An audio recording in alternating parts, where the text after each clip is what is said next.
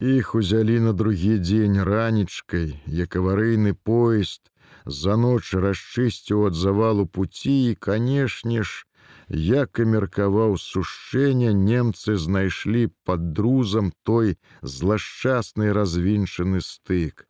Узялі ўсю брыгаду, бо ад таго часу, як яна там рабіла, да моманту аварыі мінула ўсяго гадзіна. Хто ж яшчэ мог там быць?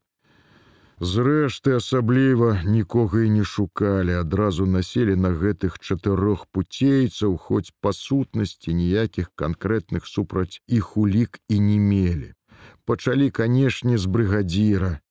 Дапытывалі ў новым памяшканні былой раённай бальніцы. Сышлося там чалавек 10 розных чыноў сваіх і немцаў чакалі. Каменецік такі быў утульны, на падаконніках вялікіх акон стаялі кветачкі ў вазонах, а гаспадар даволі яшчэ маладжавы чалавек у рудым кіцелі з нейкімі пагонамі і даволі прыветлівым тварам спярша і не крычаў, нібы спачуваючы нават, што здзівіла сушэню.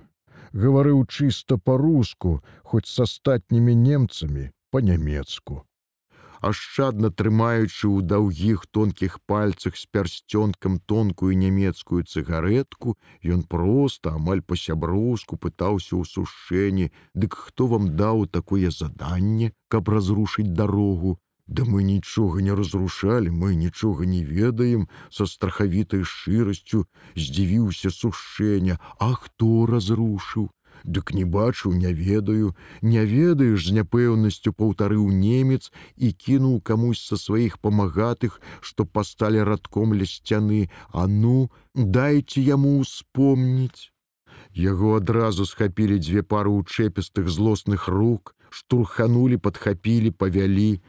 Двое раз'юшаных мардатых паліцаяў звязалі наперадзе руки, а затым пасадзіўшы на падлогу і ногі, і ён недарэчна падумаў, а ногі на што, але неўзабаве зразумеў на што. Той жа вяроўчанай прыкруцілі да ног звязаныя руки, і ён апынуўся як кола скурчаны з выпнутай голай спіной. І тут пачалося. Сушэнне не крычаў, стараўся не стагнаць нават. Ён, канешне, і не разлічваў на іншае, таму ўсё трываў, развітваючыся з воляй з сям'ёй ды і з жыццём таксама.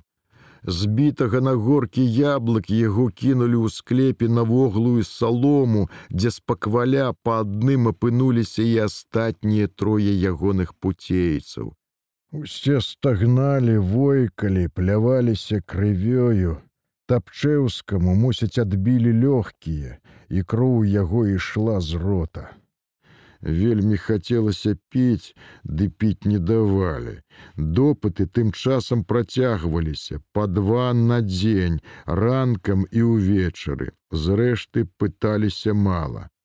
Усё той сімпатычны немец службы СД, як пасля дазнаўся сушэння па прозвішчы доктор Гросмайер, пачынаў допыт з пытання, хто загадаў развінціць рэйкі.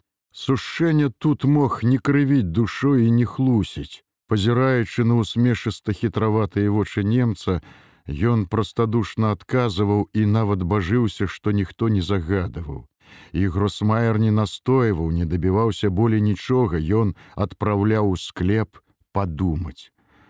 Білі мяне чатыры дні запар ужо не ўставаў. Думаў яшчэ трошки сканаю усё скончыцца. І ведаеш страху не было толькі жонку і дзіця шкада было страшэнна. Іншыя трое таксама ўжо не паднімаліся а самы малодшы з іх мішук неяк увесь дзень ляжаў непрытомны, і калі над вячоркам прыйшлі, каб узяць яго на допыт, дык вярнуліся з калідора, куды ж такога дапытваць. Такога можна толькі пакласці ў труну. Яны перасталі ўжо лічыць дні ў гэтым сутарэнні, не маглі адрозніць дня ад ночы. Яны пластам ляжалі на скрываўленай саломе, з жахам прыслухоўваючыся да крокаў у калідоры, па каго ідуць. І неяко дзіва. Яны ўчулі музыку, дзесь паблізу ў мястэчку іграў духавы аркестр, а музыка была жалобная, не іначай пахавальная. І так яна добра клалася на іх змарнелыя нямоглыя душы, нібы іграла на іх калектыўных хаўтурах. Не па іх, канешне, яна цяпер іграла, але ім усё роўна было прыемна слухаць яе, тым больш што пасля дазналіся што гэта хавалі бургамістра шалькевіча якога ўсё ж падстрэлілі партызаны на выездзе з мястэчка. У той дзень на допыт іх не ўзялі не ўзялі і назаўтра. Мусіць паліцаі і гэты гросмайер занятыя былі чымсь болей пільным і яны трохі аклімаліся ў сваім сутарэнні сушэнне пачаў паднімацца каб сесці бо на адбітых баках і спіне ляжаць было зусім нестрывана. Устаў у карабань і нават засмяяўся нядобрым істарычным смехам весельніка. Яны ўжо змірыліся з думкаю, што на свеце не жыць, жыццё іх скончылася, заставалася дажыць нейкую рэшту. І яны цешылі сябе слабой надзеяй, што гэтая рэшта абыдзецца мо без вялікіх пакут. І тады неяк пасля обеду прыходзіць паліцай крычыць: сушэння на выхад, неяк узгробся я, хапаючыся за сцяну, іду, ужо ці не на расстрэл думаю, але не на расстрэл. Расстрэл неўзабаве здасца сушэнню шчасцем, да якога яму не дапяцца. Яго правялі зноў, у знаёмы кабінет з вазончыкамі на вокнах. Доктор Грасмайер, як заўжды усмешыста пазірае на яго і кажа так, з трохі насмешлівай спагадаю ў голасе: Сядай, давай пагаворым як сябры, па душах. Гляджу ты чалавек палажительны, положительны положительны затузалася ў галаве сушэнні гэтае слово і ён чамусьці згубіў яго сэнс. Ніяк не мог доумецца что гэта значыць. А немец тым часам страсянуў попел са свае цыгареткі у маленькую талерычку на стале і прадаўжаў. Положительны да і мы цябе выручым заўтра ўсіх ваших павесім, а табе даруем жыццё.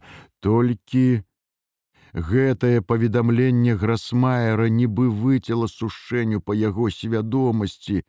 Не тое, што іх павесяць, з думкай пра тое яны ўжо даўно звыкліся, а тое, што яго аддзеляць ад ягоных хлопцаў, як жа гэта, Чаму так? Яшчэ не разумеючы ў поўнай меры ўсяго жаху таго паведамлення ён інстынктыўна адчуў што нешта у ягоным лёсе жахліва ускладняецца да ты будзеш жыць толькі толькі ты павінен даць подпіску аб сотрудніцтве якім сотрудніцтве з нямецкімі ўладамі сакрэтным сотрудніцтве мы табе устроім уцёкі ты перабяжыш да сваіх, да тых, хто табе даў заданне на тую дыверсію, і мы будзем з табой трымаць сувязь. Сакрэтна разумеецца. Сушэнне хвіліну маўчаў, не ведаючы, што сказаць і толькі коўтаў у роце сліну. Яму даруюць жыццё, але ж, але ж ён адчуваў, што так нельга, што гэта жах, што ягонае жыццё будзе горш за пагібель. Не, ведаеце, я не магу, я не умею. Што? Гросмайер увесь напяўся, нібы пачуў якую брыдоту вочы яго сталі вузенькія і злосныя. Нядобрым позіркам ён упіўся ў сушэню. Што? Што ты сказаў? Не магу я. Ты што, дурань? Адмаўляешься жыць хочаш памерці дык каб жа хацеў не хачу вядома але дык згаджайся мы ўсё зробім бальшавікі носа не падточаць не не магу значыць хочаш памерці злосна заключыў немец Гэта прасцей парнай рэпы. Заўтра ж павесім. Ды ўсё ж падумай. Да заўтра. Болей грасмайер размаўляць не стаў, адправіў сушэнне ў сутарэнне, і той пайшоў болей спакутаваны, чым пасля допыту і катавання. Атрымаў, значыць, такую галаваломку, што хоць ты крычы, і жыць хочацца, і хочацца чалавекам застацца, А як? І тое і другое разам не атрымліваецца, трэба выбіраць адно. І тут ведаеце, падумаў пра анелю пра сынка, і нешта стала праяснівацца. Калі я зараблюся шпіёнам, ды як жа тады ім жыць? Зрэшты, як жыць ім, было пытанне з няхітрым адказам. Яны застануцца ў заложніках. Сушэнне ведаў, напэўна. У якасці заложнікаў яны не дадуць яму ашукаць немцаў. Калі што будзе не так, гэты доктар закатуе абаіх. Дык ці не лепш яму ахвяраваць сабой, загінуць разам з усімі. Сям'я будзе без бацькі, затое будзе ганарыцца ім. Ужо ж ён намогся на нешта і хоць не надта ўдала, але спусціў пад адхон цягнік. Усё ж памёр недарма, а так,